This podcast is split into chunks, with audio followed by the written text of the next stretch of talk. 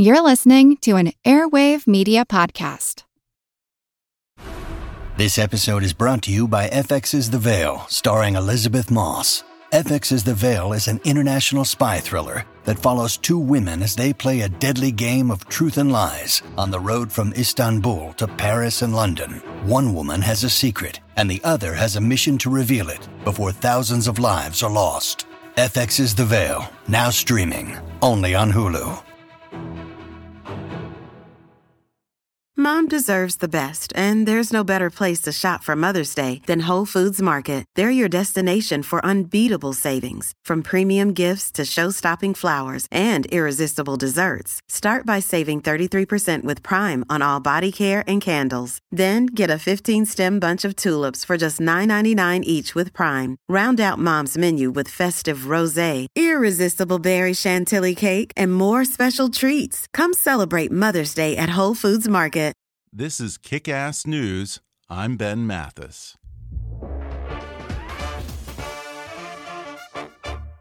Hi, folks. Just a quick announcement. I'm trying to grow our listenership, so I hope you'll share Kick Ass News with two of your friends this week, or better yet, share it with all of your friends on your social media. And if you'd like to pitch in and become a part of what I'm doing here, then donate to our GoFundMe campaign at gofundme.com slash kickassnews. Whatever you can do to support the podcast is appreciated, and it shows me that you value this little show that I put out every week. Thanks for listening, and now enjoy the podcast. Hi, I'm Ben Mathis, and welcome to Kick Ass News. You've probably heard someone in conversation describe a person they know as a real mensch. It's kind of the Jewish version of a stand up guy. The Merriam Webster's dictionary defines a mensch as a person of integrity and honor. But if you go back far enough to the German Yiddish origins of the word, the literal translation is quite simply a human being. To be a mensch is to be the kind of human being we were all meant to be, but far too often fall short of. You might not have heard the name Shep Gordon, but among his many famous friends and clients in the entertainment industry, this legendary manager, agent, and producer is known far and wide by the nickname Supermensch. It's the title of his new book, They Call Me Supermensch, and also the title of a 2014 documentary about him by his friend, actor, and comedian Mike Myers. Mike Myers recounts how he met Shep Gordon on the set of Wayne's World, and a little while later, when Mike Myers' father died and he was at his lowest point, he asked if he could spend a weekend at Shep's house in Hawaii. He ended up staying for two months, and every day Shep Gordon cooked for him, talked to him about life, and nurtured him through his roughest time until he was whole again and ready to re enter the world. Mike Myers isn't alone. Everyone in Hollywood has a Shep Gordon story. Whether it's Michael Douglas or Willie Nelson or Tom Arnold or Wolfgang Puck, anyone who knows him says at some time in their life, when they were at their lowest or needed someone to be there, Shep Gordon was the guy who stood up for them, took care of them, or made their life better for having known him. It's a philosophy of service and kindness that has guided the legendary career of this music manager, movie producer, and culinary hero his whole life. Over the years, Shep Gordon has befriended everyone from Janis Joplin to Betty Davis and Salvador Dali to the Dalai Lama.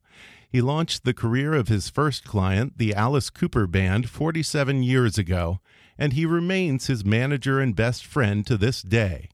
Shep Gordon has also managed the music careers of Luther Vandross, Blondie, Teddy Pendergrass, Anne Murray, and Pink Floyd, as well as stars like Groucho Marx and Raquel Welch. He founded one of the first independent film companies long before Miramax, producing cult classics and award winning art house films, and launching the careers of directors like Ridley Scott and Alan Rudolph. Along the way, Shep Gordon literally invented the celebrity chef and brought cooks like Wolfgang Puck, Nobu Matsuhisa, Daniel Boulud, Alice Waters, Mario Batali, and Emeril Lagasse out of the kitchen and into the homes of millions of Americans. He's become a master cook himself, having trained under his close friend, the late Michelin starred chef Roger Vergé. And these days, Shep Gordon says cooking for others and sharing good times with friends is the thing that brings him the greatest joy.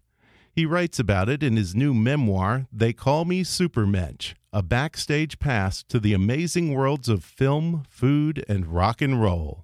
Today, I sit down with him to talk about his remarkable career and the principles that have guided his life. We'll talk about what originally brought him to Los Angeles and how checking into the right motel and a little advice from Jimi Hendrix launched his career in the music business. He'll talk about some of the stunts he came up with to get attention for his very first client, Alice Cooper, and how an incident with the band and a very young Cameron Crowe inspired a classic scene in the movie Almost Famous.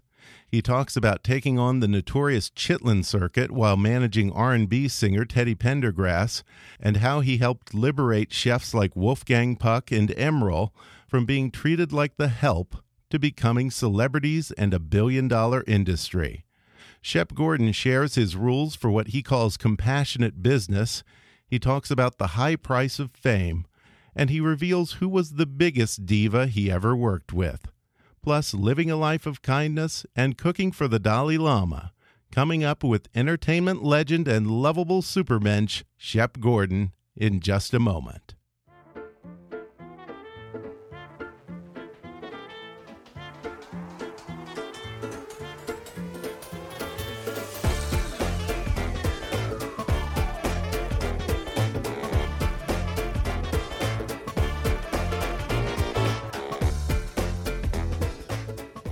Today I'm joined by legendary music manager, film agent, producer, chef, and super mensch, Shep Gordon. Someone finally convinced him to write his memoirs. It's all in his new book called They Call Me Supermensch, a backstage pass to the amazing worlds of film, food, and rock and roll. Shep Gordon, thanks for meeting with me. Aloha, nice to see you. Uh, first of all, I have to ask, who gave you the nickname Supermensch? Uh, Mike Myers is the one who came up with. I think where he came up with it from, and I've never really talked to him about it, and I really should. But um, I met, had the honor of meeting Norman Lear um, about 20 years ago, and my dad loved Norman Lear shows. My dad passed away, and um, when I met Norman, I said this would be like the high point of my father's life if he knew that I even knew Norman Lear. Um, and Norman sent me a note after we met, and he called me a mensch. Huh. And I always kept that note thinking my dad would be so proud. And um, when Mike started the movie, he asked me if there was a tidal wave because I live on the ocean. What three things would I take from the house? Um, which was a great question, made me really think. And one of them was the letter. and I think when he read the letter, he came up with the name Supermensch. That's my guess. Yeah. For anyone who's not Jewish, the, the term mensch. Other means... people not Jew, really? What's that? These people not Jewish. well, not in Hollywood, I guess. not where we are, but for my parents in Texas, um, mensch is, I guess, the the definition. If you go into Webster's, is a, a person of integrity, a good a good yeah. man. I think in um, the colloquial for the Jewish is it's just a good man. Well, yeah, because someone I, who makes the right choices. Yeah, and it's funny because I I've also seen the definition a human being. Yes. Which I think is perfect yeah. because it's yeah. it's it's what how we're supposed be. to be. Yeah, yeah. Exactly. How we're supposed to treat each other. Now, you've managed a long list of stars from Alice Cooper, Blondie, Anne Murray, Luther Vandross, the Gypsy Kings, Kenny Pendergrass, uh, Pink Floyd for I think nine days. you said days. uh, Groucho Marx, Raquel Welch, then celebrity chefs, which didn't even exist before you, like Wolfgang Puck, Nobu Matsuhisa, Roger Vergé, Emeril Lagasse, Alice Waters. And you seem to be universally adored. Everyone seems to say that you're a guy who always does the right thing, you're honest, you're kind. What are some of the principles that you do business by and also live by? Yeah, I think uh, I don't really separate my business from my life. Um, some of my principles are, um, I think, in the in at the starting point when I start a relationship with an artist, most people try and create a contract between each other, which immediately puts you in an adversarial position. So you're no longer in the friend category. You're now an adversary. I never signed contracts. Never. Never. I mean, I signed. I, I always signed contracts on behalf of my artist. I would never Right. let my artist. Oh yeah, yeah. You wouldn't be much of a manager Right, if you right. didn't. But in terms of my contract for them. relationship with the Yeah. artist, they were always free to leave. Yeah. Um, they didn't have to call a lawyer. Really? Yeah. So, Wow. which really changed the nature of the relationship. Yeah. So they really, instead of being feeling like an indentured servant, Yeah. they appreciated the work you did for them Yeah. And they were always with you by choice. by choice, not Yeah. by, because they had to be, which psychologically is gigantic. And I, and I used to tell all my clients that you know, the, one of the reasons that I don't really want a contract is I need to fail. You need Hmm. to allow me to fail. And if you think I'm this perfect person who signs a contract, that that's not what you're going to get. Life doesn't work that way. So it just changed the nature of the relationship. Now, have you ever regretted not having a contract yes, with the client? in my later years, I have regretted it uh, Yeah. because um, along with the contract goes the cash flow for Mm-hmm. the work you've done. And I do have some artists who, even though they're not obligated, continue to pay me on Really? the work I did. Um, but I've never asked for it, and I don't know. Although I think that um, a manager deserves it if they do a good job on a Yeah. particular piece of product. Um, it was a flaw in my system having never been to it before. Yeah, because uh, you know if you don't have a contract then, and they leave you as a client, then you get cut out of all those Right. royalties, Which is fair. a manager should be entitled which to. I think is, usually. is I oh, you think I that's fair? I think for the most part Okay. is fair, but I think that if a manager had a significant effect, for um, for example, uh, Alice and I with um, "Schools Out" the album, Mm-hmm. I was a significant player. I wasn't someone that he brought the album into and said, uh, "Put this out." yeah. You deserve your piece. Yeah, and you talk a lot about creating win-win situations in business. Very important. Um, th- compassion. I call it compassionate business, and I think it's again, as I would tell my clients, it's the most selfish thing you can do is try and leave the person in a negotiation feeling that they like you, that you are fair with them, because every career, particularly in show business, will have hills and valleys, and when you've taken advantage of the person for an extra nickel that you're going to blow anyway. They're going to be waiting for you with a baseball bat. and if you helped them and gave them that extra nickel, which you would have thrown probably into cocaine or some stupid thing anyway, um, they're going to be there to pick you up and Yeah. support you. And so it's very selfish. It's also the right way to live. Um, it's the right thing to do. It's what a man should do. Is you know, don't don't look to to squeeze somebody because you have the advantage. Yeah, which must be kind of unusual in Hollywood and in the music industry where everyone's trying to screw you. Well, I think every most ninety percent of the people who do what I do think short term. Mm-hmm. They don't believe they're going to be with the artist. If you look at the history Mm. of artists and their representatives, they're usually short uh, short term affairs. Yeah. they're usually four years, five years.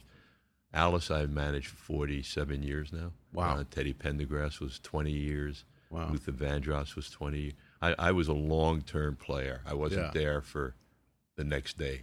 Yeah. Um, and um, Yeah. I knew there'd be plenty more to divide up. There's one story that I think says a lot about how you operate. Uh, I guess Tom Arnold, the actor Tom Arnold, had this paparazzo who was bothering him in Hawaii, and I guess two years in a row took some unflattering photo of him on the beach with his shirt off and put it uh, and sold You it to research. people or something like that. And he turned to you because you live there and you know everyone on the island and you reached out to the photographer and convinced him to stop bothering Tom and leave him alone on the beach. And what's amazing is now, if you watch the documentary about you, Supermensch, both Tom and the paparazzi photographer have nothing but amazing things to say about you. How the hell do you turn I that think- into a you win-win? know, I'm glad you brought that up. I'm going to use that because it's hard for me sometimes to think of examples of win-win when people ask me, and that's a great example. You did great research. But what happened was there was a mounting problem. One of the beautiful things about Maui is we didn't have paparazzi. Mm-hmm. When I moved to Maui, you know, paparazzi is a new phenomenon. Yeah. Um, when I moved to Maui, it didn't exist. Um, and then over time, it became um, a, a- a deterrent from people coming to back to Maui. Um, there would always be a paparazzi staying at the Four Seasons, and but I wasn't involved because it was none of my artists. Nobody asked Yeah. me to help. I just let it go by. And they have easy access through the beach. Very easy too. access. You don't get One of the in things I love about Hawaii is that all the beaches are public, Mm-hmm. and you have to provide public access, and that's our strength. The, I I would fight anyone hard who tried to stop that. Um, and that's the way that most of the artist representatives went. They would call the hotel. The hotel security would come and hassle these kids who were paparazzis that they couldn't be on the lawn. They'd go to the police. The police would show up. It just got. It wasn't Maui. It wasn't the way it Yeah. should be. That's not what we're about. So when Tom brought the situation up to me, I said, I can make this work. this is just someone who wants to make it work. So I went to the paparazzi guys and I said, um, if I was to provide for you a valuable artist whose pictures are worth money, who would allow you to shoot him and approve one picture that you could have exclusive rights to sell, um, would you agree to do that? And would you donate fifty percent of your money because I'm going to make it? e- Oh. I'm going to make it easy for you. You're not going to have to find them. We're going to find you. Um, Fifty percent of your money to the Maui Food Bank. Oh wow, I didn't know that Yeah. part. And um, Derek, who sort of was the lead paparazzi on the island, because we only had three or four. This some would fly in um, if it was a big enough star, but he was able to corral them. And we made a great deal, and it existed until he moved away from the island two years ago, about a year and a half ago. Wow. Every artist that came through that I knew, if they called me, and I called him first, that that was our deal. If I called him first, nobody got bothered. Yeah, he loves you now. Yeah, we made a lot of money. Yeah. He had easy access. They became friends. I think, you know, a lot of these artists actually called Derek when they used to come to town. They go to dinner with him. He's a very nice guy. Um, and and truthfully presses what we all live on. Yeah. So if we can find somebody friendly who Yeah. gets it, who can make the money off selling the picture, but also allows us to get the picture we want out there, Yeah. it's a win-win situation. There you go. Well, is this what you call a coupon? So I it, I wouldn't say there's too many coupons because I'm, I'm I'm giving the coupons as it happens. Yeah. For me, a coupon would be more if I went to the paparazzi and I said, "Listen, man, you got to bury those pictures," and he buried him. and then I go to the artist and say, "You now owe me a coupon. I got the pictures buried." um, but this was a fair exchange. Yeah. and, and it's and it's really selfish. It, it for the artist, they have a great time instead of being paranoid and looking Yeah. around the corner. For Derek, instead of feeling like a jerk for invading someone's privacy because he's a nice man, he just happens to make his living that way. yeah. Um, he feels like a, a human. Yeah. You know, I want to go all the way back here. Your career has had so many unexpected turns that you probably never imagined.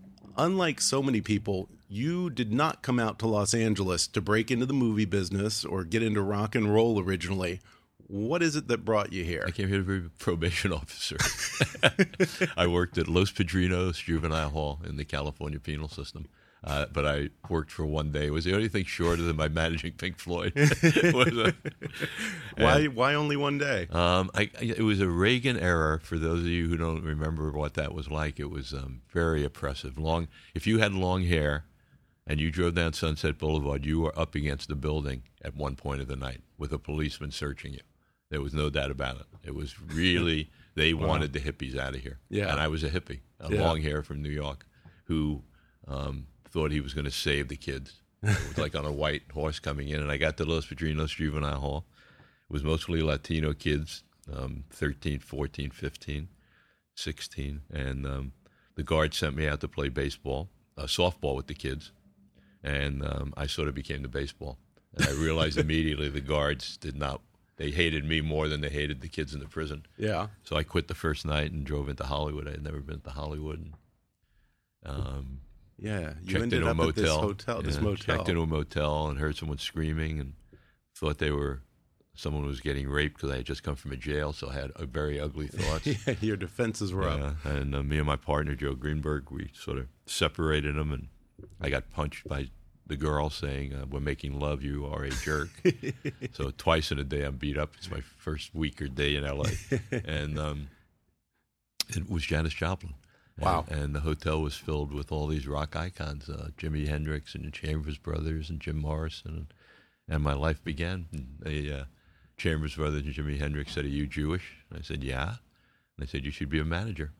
and um, Alice Cooper, they hooked me up with, and 47 years later, we played the Pantages two nights ago. And that was and that was your first That client, was my first Alice client. Cooper. Yeah, that will be my last. Yeah. Is that hotel still that motel It is still there? there. What is The it? The changed. Landmark It Motel. was a Hollywood Landmark. I forgot Yeah. what it's called now. It's the first driveway west of the Magic Castle. Yeah. Oh, okay. So it's okay. right there between Highland and La Brea. Okay. And it still looks exactly the same. Really? Yeah. but, but the name has changed. Yeah, I mean, you must look back and think, "Wow, how did I luck out?" Just oh my God, you know, guy in stumbling into this this You know, motel the I just second a- day or I the just first day I'm in LA. with um, Anthony Bourdain, and I tell them, Yeah. and in there I talk about how lucky I am. And my whole life, I mean, I realize that it's hard work. I don't want to be silly and say that it's just luck. yeah, But luck played an unbelievable role in my life in so many ways, and that was of, you know, I could have checked into any motel. the the Alice Cooper band was known for their theatricality. Uh, most famously, there was the chicken incident Mm. or stunt. You were the mastermind behind a bunch of stunts when you were trying to get the band attention in the early days. Was there one that was you were particularly proud of? Um, there were a lot of them. You know, I, I, I, I was the desperate manager behind the uh, trying to get attention, and we realized the way we could get attention, as opposed to getting records on the radio, was by irritating parents. That yeah, when you had a name like Alice Cooper and you're wearing dresses and you hair that to your waist, um, you can irritate parents, and if you irritate parents, you turn on children right, like Elvis. like Elvis Or the Beatles. or the Beatles, and any of the big icons. If you look at them, what they had in common was hatred of parents. Matter of fact, we did a talk last night, and two of the people in the talk got up and talked about how their parents came in when they were listening to Alice Cooper and turned it off the radio and, and grounded them. And that's perfect for us, getting banned in a city. So I think some of our great stunts where we got to London, we hadn't sold a lot of tickets. People didn't really know who Alice was. We thought they did.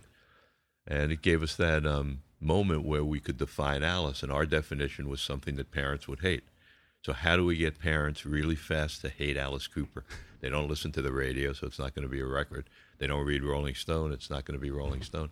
How do I get that parent over a breakfast table to say to their kid, that if you go see that- guy Alice Cooper next week, you're grounded for a month. If I can get the parent to say that, I've won the game because they're going to figure out how to get to the concert. Yeah. And um, I asked some people when I got there, and it turned out that um, that uh, BBC morning TV was what all the, had the biggest ratings in England, and that uh, BBC morning TV showed basically two things: the weather and traffic. And I said, I can't affect the weather, but I can definitely affect traffic. And they used to have helicopters flying around town showing the highway. So I built a 40 foot uh, billboard of Alice naked with a snake wrapped around his genitals and uh, put on Wembley Stadium the date and broke it down at Piccadilly Circus during rush hour in the morning twice. Oh, you you you paid the guy to Paid break guy. down in the middle of Piccadilly Twice. Circus. And paid him to go to jail, which he did for a couple Really? of weeks. Yeah, the same bobbies came over. It, it, it was got so mad the second time. It was like, we just got you out of here. But it backed up traffic for 30 miles. It caused um, that afternoon a in a session of Parliament, two ministers, Leo Abse and Sir Mary Whitehouse, um, Lady Mary Whitehouse, um, put in a bill to ban Alice from coming to England, which hit the front pages the next day with the picture of the billboard. And we were home. We sold out the show in one minute. And, Wow. Yeah, Did you ever think about uh, taking it in front of Buckingham Palace? uh, we thought about it. We didn't. We actually tried to if- double up the next year. See if you get the Queen to come to the window. Yeah, we tried. Yeah. we thought about it. We never did it. Well, But- you you're a man who has a reputation for going all the way above and beyond for his clients. What were some of the other tricks of the trade that you used to get your clients' attention over the years? I think for each one, what and I, I tried to to create brands that had a bigger appeal than them to mm-hmm. to get them into a wave that was bigger than them. So for Teddy Pendergrass, for example, sex was really what he was about. It was Yeah. different than romance. Luther Vandross was romance. You know, invite your girl you love to dinner, light some candles, have a violin player. That was Luther. Teddy was go to a bar, see a chick across the way, grab her hair, drag her to your Like bedroom. Trump. Yeah, like Trump. Yeah. Drag her to your bedroom, you know, and so how do you say that without being arrogant and stupid? And so what I did was um, for women only concerts. I only allowed women into Teddy's concerts. We did five of them. And you sold enough seats? Yeah, we sold out. Oh, it was gigantic. We gave out chocolate teddy bear lollipops um, that they licked on during the show just to really drive the point of sex. This was not about being that, you know. And um, for Luther, who I had to define also, but was the, of romance, I ran a contest in the 20 biggest radio stations in America where you could get married on air by Luther. Every girl cried listening to those radio shows. Was he a licensed uh, minister? No, he did or- through the music. A minister came on, and they chose who Oh, married okay. But he, Okay. he sang at the he sang the wedding song for him, and Luther became for many it. years the most played artist at weddings. Yeah, I love so it's that. really take you know it's that same theory that I used with the paparazzi. yeah. It's win-win. It's, Yeah. You know how do you how how do I make the girls at those Teddy shows when they were licking on the lollipops? That's the happiest they've ever been in their lives. They were in an environment. We gave them a safe environment without their mm-hmm. boyfriends to get wet in their seats over Teddy because they couldn't take their boyfriend and Yeah. scream, "Oh, Teddy, I love you." so we created a you know the perfect environment for it. You know, and early in managing Teddy Pendergrass, you were introduced to the notorious institution for black performers called the Chitlin Circuit, and I think you would probably be credited with rebelling against that and I would say perhaps helping one, to yeah. dismantle it. What was the Chitlin Circuit? Chitlin Circuit really exists in every single artistic form at some point or another. In, in the Afro American world, it was called the Chitlin Circuit. It existed with the chefs. It exists with the artists, uh, uh, uh, painting artists. I get calls from now about help us, like you did the other guys. And basically, what it is is that artists create content. Normally, other people monetize that content so that the artist is not the person getting the original check. When- I say that, you cook in a kitchen, someone comes to a restaurant, the restaurant owner gets the money. That money, then he decides how much you get out of it. You're mm-hmm. at his discretion. In the entertainment business, you go to play a club, you can play the same club for nothing, or you can play that same club for a million dollars. It's a negotiation. Um, but you're you as the artist on the stage are not going to touch the money first. There's going to be somebody Yeah. who collect.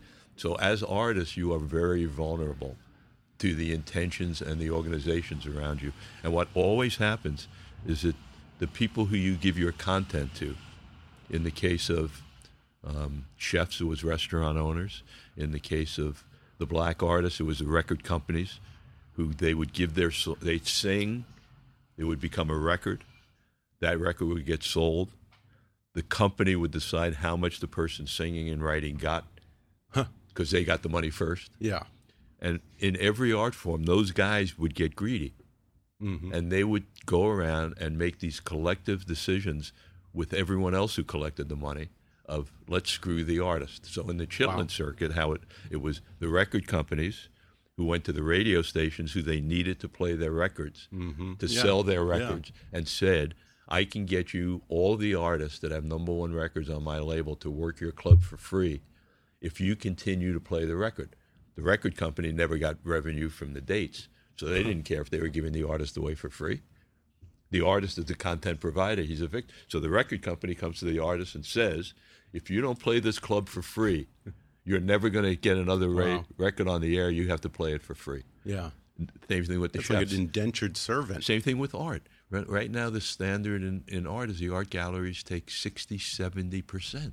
Wow. I didn't know that. because as an artist you can't you can't get to your people someone else collects the money first is so- is that something that you're working on now? not at all in art- but it okay, exists but it's every- something you've noticed. yeah so when i got to the chefs for example it was exactly the same system they were convinced that they had to go work at other restaurants Mm-hmm. do provide content so wolfgang would go to let's say um, you know the hilton hotel in virginia they do a wolfgang puck night they wouldn't pay him, but he was convinced the only way he was going to sell tickets at his restaurant was to go. They kept they convinced all the artists like playing the nightclubs for free. Mm-hmm. Um, so it's the same. It's it's historically in every art form, and in the Chitlin circuit, it was difficult because gallery owners don't normally have guns.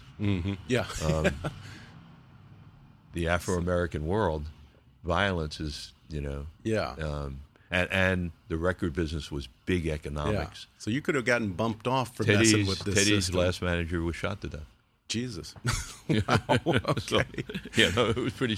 I had guns put to my head a few times Yeah. in the escapade. His But again, life- there was enough for all. Yeah. and that's how Yeah. I resolved it. Finally, was yeah. A win-win. Everyone I gets finally resolved it. I, we Yeah. we hit a point where it got uh, really ugly, Yeah. like really ugly. You know, picketing Teddy shows, people coming to my office, pistol whipping people. It got ugly. And finally, we made a deal. And the deal was that um, we were going to get paid. We were going to get paid by white promoters. And we would force the white promoter to give the Chitlin Circuit promoter some money. We're going to take a quick break, and then I'll be back to talk more with Shep Gordon when we come back in just a minute.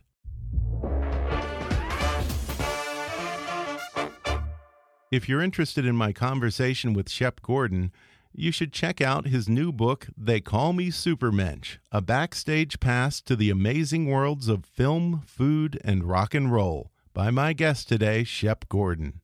And right now, you can download the audio version of his book for free with a special promotion just for our listeners from audible.com.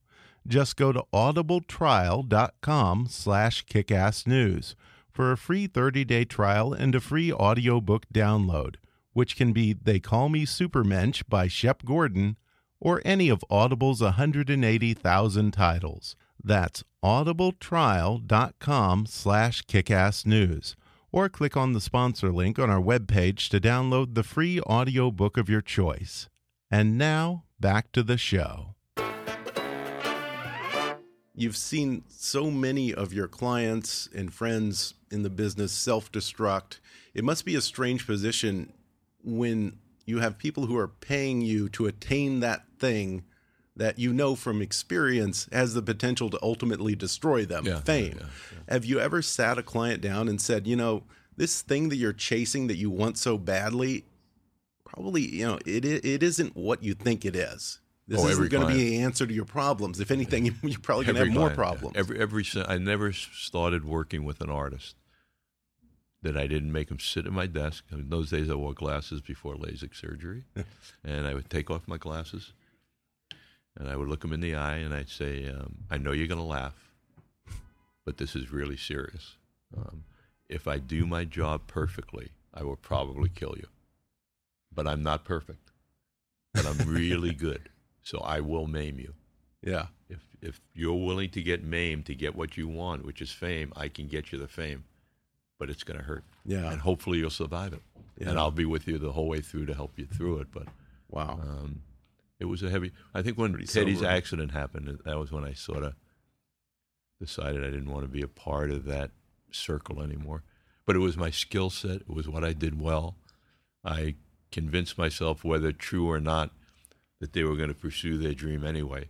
And at least I was an honest guy who could help them. hmm Um, it wasn't as if I, I walked out, they were going to give up. Yeah. They'd probably go get ripped off somewhere and really hurt. Yeah. Um, so I, I, I convinced myself it was okay to do it.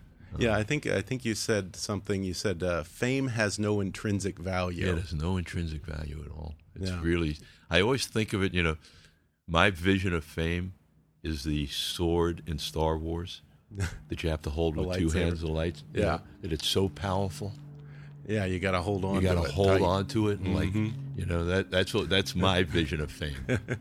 Well, yeah, and you know, speaking of fame, there was a movie called Almost Famous, and supposedly the plane scene from that movie, the Cameron Crowe movie, was based on something that happened when you and Alice Cooper and the band were traveling on the road. I just saw um, really funny. The uh, Cameron Crowe, who directed and wrote Almost Famous, was I think 17 or 18, and he came on the road with us to do um, a story for Rolling Stone that Candice Bergen was a photographer on, and um, we had chartered this horrible twin-engine plane way before people were chartering because we wanted to come into a city and have Alice Cooper's name on a plane with a snake and really get parents pissed off that we had enough money to do that. But it was a horrible plane. You used to have to put oil in to get the tires down and stuff. Which it was, it was horrible.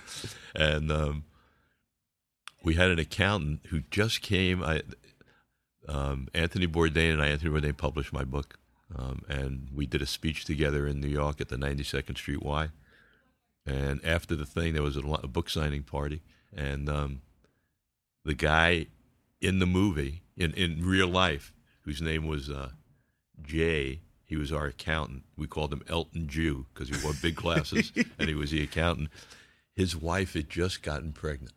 He had found out about three days before this incident happened. And at the show, we all had to toast to him and his fan. And we laughed about, wait a second, you can't pot. You're Elton Jew. You can't even get hard. Now, whose baby is this? It became like the joke of whose baby is this? And um, Alice is playing poker, and he says, "I think we should double the odds." And everyone said, "Why?" And he said, "Because the engine's on fire." and we looked out, and the engine was on fire. so this guy, Space Lufthansa, stands up in the back of the plane, and he says, um, "Well, I guess we're going to die. I got to tell the truth, Elton. It's my baby." oh, wow. And with that, the plane, the fire goes out. And that's exactly the scene Cameron wrote. But I saw Elton Jew at um, the book signing party, which was unbelievable. It's the first time I've seen him since that tour. How's his kid? The kid's old. His kid went to college. It's like hysterical. Yeah. Oh my lord! Yeah. Who was the biggest diva? Uh, Luther was a diva. Yeah. Yeah, Luther was definitely a diva, and he had a right to be. He was a, an amazing artist. I mean, Yeah. really remarkable artist. Yeah. Soup to nuts artist. He um, he produced his records. He wrote the songs. He he um, produced every second of the stage show, down to the stitching on the costumes. Um, he was really remarkable. Yeah. Yeah. At a certain point, you decided to bust into the film business. And am I right that you would probably have had one of the first independent film companies pre I Miramax? I think we were the first other than American. maybe Roger yeah. Corman. I don't know. Yeah, uh, Roger Corman was a- absolutely. There was Roger Corman. There was um, a couple of other very, very, very low budget, hmm um, non-artistic orientated films, um, exploitation movies. There was black exploit. Right. What we did in America was we loved the European model. And the European model was allowing artists to make movies Yeah. um, that were passionate to them, Yeah. and and weren't necessarily um, movies by committee, not action movies. But nobody was doing it in America, Yeah. and those there was no, so there was no outlet for these French movies in America and these worldwide movies. And um, we started a small company called Alive Films, and I think the first film we did was Stop Making Sense, and then Koyaanisqatsi, and um, Kiss of the Spider Woman, and all the Alan Rudolph movies. Mhm. El Norte, which was an amazing piece. El Norte was when Sundance first opened.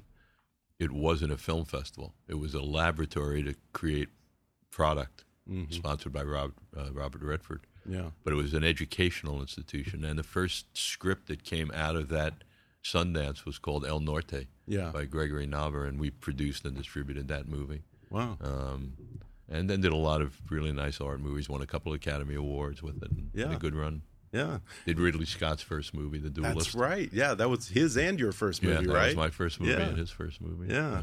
Well, you know, it's funny because, like I said, your life has had so many unexpected twists and turns. And of course, going into the film business led you to Cannes, and Cannes led you to a very important person in your life, the late, great Michelin starred chef, Roger Vergé, who you met when you were there for the film festival. Um, you said that he changed your life. What did he do for Yeah, you? Yeah, he was really the first person that I was attracted to who was very successful and happy. Mhm. I hadn't seen those two qualities in people. Um, the people that I were meeting who were very successful had a surface happiness, but it wasn't based on what I what I thought were um, long-lasting, healthy values. Mhm. Um, they were um, fool's gold in every part of their life. The table they sat at was important. They'd get angry if they weren't at the right table. Um, the car they drove was important. They'd ridicule people who weren't driving like great cars. Um, it was success was unbelievable. Beating people was un- it just they weren't the, and the the ones that were more powerful were more into it. And although they their face might have had a smile, um, you could just see there was no joy at all. Um, Yeah. They just weren't happy. And I realized I was sort of becoming one of them. I had the white Rolls Royce. I had the rings on. you know, I had the Playboy girls. I had a nightclub. I was I was way too young, way too successful. But I something inside of me said, "Wow, are you in trouble?" Although I didn't talk about it or see it, I knew that that I was at risk. And around me, so many people were dying. Jimi Hendrix dead, Janis Yeah. Joplin dead, all these people. And then he walked into this room, and um, I could see he was happy to the bone. Wow. Um, and um, I just was attracted, and I was very uh, aggressive with him, and he was really nice. He allowed me to become part of his life. Yeah, and you kind of became a food. Were you a foodie before? Not at all. I was a macaroni and ketchup guy. Yeah. um, but I asked him how I could spend some time with him, and he said, Yeah. "Learn to cook." yeah. So I developed the thing, and then by being around him, I, I, I didn't realize that he was even a chef. But once I started to get a few years into it, I started to see what an amazing artist he was, mm-hmm. And how his artistry was very similar to the people I represented. They had to create new recipes, they had to create new songs, um, they had to give the hits. Like Alice always had to play 18. Mr. Roger always had to do a zucchini flower. Um, they wore street clothes during the day. They changed at night into their performance. Alice put on his uh, his costume. Roger put on his whites. Um, they'd be backstage giving notes. For Roger, maybe it was the souffle was too high, or for Alice, it would be simplify that guitar part tonight. It was, um, and then they go out on stage with a smile, meet their audience, do their show, Yeah. um, and start again the next day. Yeah, you know, last week I had Mario Batali on. Oh yeah, he's great. And we were I managed talking. Mario for a while. Oh, you Yeah. did? Oh, okay. Yeah, and he was talking about how, you know, we forget that in those days, cooking was not a respectable profession. That was what you did between getting out of the army and going to prison. Yeah. you worked as a cook. No, no, absolutely. no, my first, uh, I had a, a, a I, I love Mario. I think he's amazingly talented, great guy. We had a couple of rough years, which were really funny, and it's so typical in the world of artists. Um, when I started working with everyone, they they weren't making anything. Uh, Yeah, I mean, you, you They- talk. They, they were getting making treated like crap. You said. Oh yeah, no, I mean nothing. If Mario Batali made fifty five thousand dollars, fifty thousand dollars. I don't mean to denigrate fifty thousand, but compared to what they make today, Yeah. um, and what I was trying to do with the artists was, um, what, what I tried to explain to them was that um, before record players, before radio stations, before acetates, Michael Jackson would have been a wandering minstrel. Hmm Um, that's what you guys are. Hmm. So what you need to do is exactly what he did and every other artist is develop ways to reach your audience when they're not in your living room. hmm Um, and that meant the Food TV network. That meant pots and pans. That meant books. That meant videos. Um, as part of that, I wanted to develop a system where they could get a royalty for their recipes, like Alice got a royalty for his songs, where if other people use them, they would have to pay. Um, and I also wanted to make the point, just like with Alice, you go into a jukebox and there's Alice, the Rolling Stones, the Beatles, the that they are an important addition to other uh, other money making ventures. So one of the things I got called by the Rainforest Cafe, who looked like they were exploding at the time, and um, about helping them. And what I what I did again a win win was I got a celebrity chef caption on their menus, and I got Okay. Mario Batali to do one dish, Oh. um, Kerry Simon to do one dish, and Larry Forgione to do one dish. Get a Yeah. royalty for the dish. I got him, as I recall, one hundred and twenty-five thousand dollars for the recipe each, Wow. and a royalty. Now you have to remember these guys had never made over fifty-five thousand dollars a year. Yeah. This was one recipe, three hours of work. Wow. So Mario did it, got his hundred twenty-five thousand, and for two or three years would not forgive me, would just beat the crap out of me. Don't you have any respect? How could you put me in a rainforest cafe? Don't Oh, oh, he's pretty forgiving, I'm sure. Yeah, I mean, you, the, I guess all the chefs at one point, it's like they had this mafia meeting where Wolfgang Puck invited you to Right. lunch, and there were what Yeah. a dozen different About what we now consider 45, celebrity yeah. chefs who were saying, "Help us, help Yeah. us, chef! Yeah, we're getting screwed I left think and right." They were, they were getting stiffed every Oh, yeah. doing these junkets just like the and getting circuit. stiffed. Same thing as exactly the Chitlin circuit. So for me, it was when they said it, it, it wasn't. Although on the outside it looked like, oh my God, how are you going to do that? To me, it was very logical. Yeah, I knew what I had to do. I had to get the money to go to their hand first. I had to develop systems that they could reach and touch their audience, and I had to get broadcast because Yeah. broadcast would make them famous. Yeah. and that was the Food Network. Yeah, yeah, and you managed. I think you said it at the peak of your culinary enterprise, a hundred Yeah. of pretty much every top Everybody, chef that everyone knows today. Yeah. and you also you you yourself became kind of a lover of cooking Yeah, and I'm food very passionate. I under just came- Roger. I came back last Yeah. week. White. I went white truffle hunting all last week in Oh, Alba, wow. Italy, oh, nice. That's got to be fun. with dogs. Was really yeah. fun. Now, how did you come to cook for the Dalai Lama? How does one get a Um, gig cooking for the I Dalai Lama? I got invited to see him in L.A. by Sharon Stone, and um, when I got back to Hawaii, he was doing a speech on the Big Island, and I made an offering of doing his food while he was on the Big Island. They accepted it, and we got along great. And I thought I traveled to Trinidad and prepared his food for him there, and went to New York, and then he asked me to join his board, which I did for the last twenty years or so. Wow. So I stopped cooking. I haven't cooked for him in twenty years, but I go. Okay. To, I go to the board meetings. Okay. You even procured yak butter. Yeah, pretty his wild. visit. that was the uh, the only staple in Tibet was uh, yak, uh, which is uh, like a cross between a goat and a cow, maybe. And um, they have yak cheese, yak butter, yak tea, which they make out of the yak butter. So I thought I was doing a great thing. I, I sent Wow. someone in who smuggled yak butter out and of Tibet and had it in my house. It smelled up the whole house. It was the most rancid smelling stuff. And when His Holiness came the first morning, I served him yak tea, which I was very proud of that I had worked so hard. He looked at me, he was brushing his teeth, and Yak tea? And I said, Yes, Your Holiness. And he started giggling and he said, Oh, that's why I leave Tibet. it smelled so bad.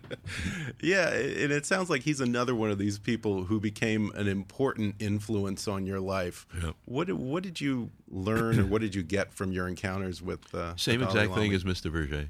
yeah. Um, they um, they lived what we all know, Mhm. which is be of service, be compassionate, um, love everything. Mhm. Um, all those Yeah. things you hear as a kid and you sort of throw away, Yeah. they live by. Yeah. Um, And, and service probably number one. yeah. Um, as they both had, had demonstrated, it's almost it's like the most selfish thing you can do Yeah. because you become so happy. Yeah. It's weird. It may not compute on paper, but it's Comes back to you. but it's real. yeah. Um, yeah, it's You- um, You say that you you're thankful every day. You say thank you for some for something. thank you, you find thank a few things to Yeah, say thank you for. absolutely. That's Yeah. a good way to start Your and every day. night. And every Al- night Although too. it was hard coming through Halloween traffic last night. Yeah, not much to be thankful for.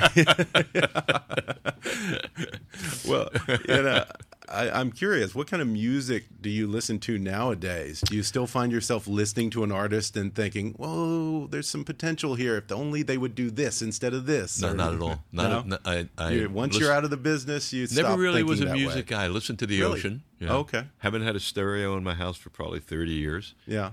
Um, Rick Rubin came over and wanted to play me something. I said I don't have a stereo, and he put Sonos in my house, which was really nice of him. Yeah. And I listened to Teddy Pendergrass Pandora on it. Oh, okay. But that's You're a a- Pandora but guy. that's about not it. a I- Spotify guy. Yeah, that, that, he didn't put that on my Oh, okay. computer. So, Um, and Okay. um, yeah, I'm not really music or movies were never really my passion. Yeah. they were the way I made my living. Yeah. it's what my artists did. Yeah. I never went to the studio. Okay. I, I don't think I. If in my whole life I spent two hours in a recording studio, Yeah. added up, that would be gigantic. Yeah. Um, only when forced went to a movie set. Yeah. Um, never read the scripts. Okay. Um, trusted the artist. Okay. You know, my movies were artist oriented. I did five with Alan Rudolph, a couple Right. with Sam Shepard, a couple with Right. Wes Craven. Right. You kind of got talked into coming into the business. Yeah, it wasn't my choice, but I was happy I did it. But Yeah. I foresaw my role not as a filmmaker, but as a protector Yeah. of the artist creating the film, Yeah. um, as I always did with all my artists. You know, more of a protector, the uh, the guy on the white horse coming Yeah. in to save the day. Well, if those things aren't the most fulfilling things in your life, what does bring you happiness these Um, days? Golfing, really fun. Yeah. Cooking, my number one passion. Um, my kids and grandkids, Yeah. hanging out with them, which is great. A lot of them back on Maui. Um, I'm pretty happy every day. I, I Yeah. really, um, I'm pretty lucky. I find stuff every day to get really happy about. Yeah. Well, like I said, you are universally well liked by people who know you. Is there anyone in the world who thinks Shep Gordon, that guy's a real asshole? I'm sure. I am sure there are many. Yes, and Don't be, tell me it's the Dalai Lama, No, no, right? no. there'll be one or two who read the book who won't have the fondest uh, words to say about me. okay, well, not many, and and the ones who love you, they they speak loudly and clearly Yeah, yeah. about you. I'm very, I'm very proud of the path I carved through this planet. Yeah. Again, the book is called They Call Me Supermensch, a backstage pass to the amazing worlds of film, food, and rock and roll. I appreciate your sitting down with me. I you've got a coupon from me. Thank you. Thank you. May not thank have you. much value. Yeah, I'm sure it does. it has about as much clout as an expired coupon from Burger King. Thank you. Thank you so much. It was Thank a great you. chat. Have a great day. What a great guy. Now you see why they call him Supermensch. Thanks again to Shep Gordon for joining me. If you enjoyed today's podcast, then you can order his new book, They Call Me Supermensch, a backstage pass to the amazing worlds of film, food, and rock and roll on Amazon. Or you can download the audio version for free through a special trial offer just for our listeners at audibletrial.com slash kickassnews. And follow Shep Gordon on Twitter at, at SupermenschShep. Be sure to subscribe to Kickass News on iTunes and leave us a review while you're there.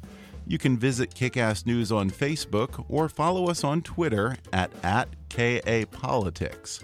And please be sure to recommend Kickass News to your friends on your social media. And if you really want to help out, then donate to our GoFundMe campaign at gofundme.com slash kickassnews. As always, I welcome your comments, questions, and suggestions at comments at kickassnews.com. For now, though, I'm Ben Mathis, and thanks for listening to Kick Ass News.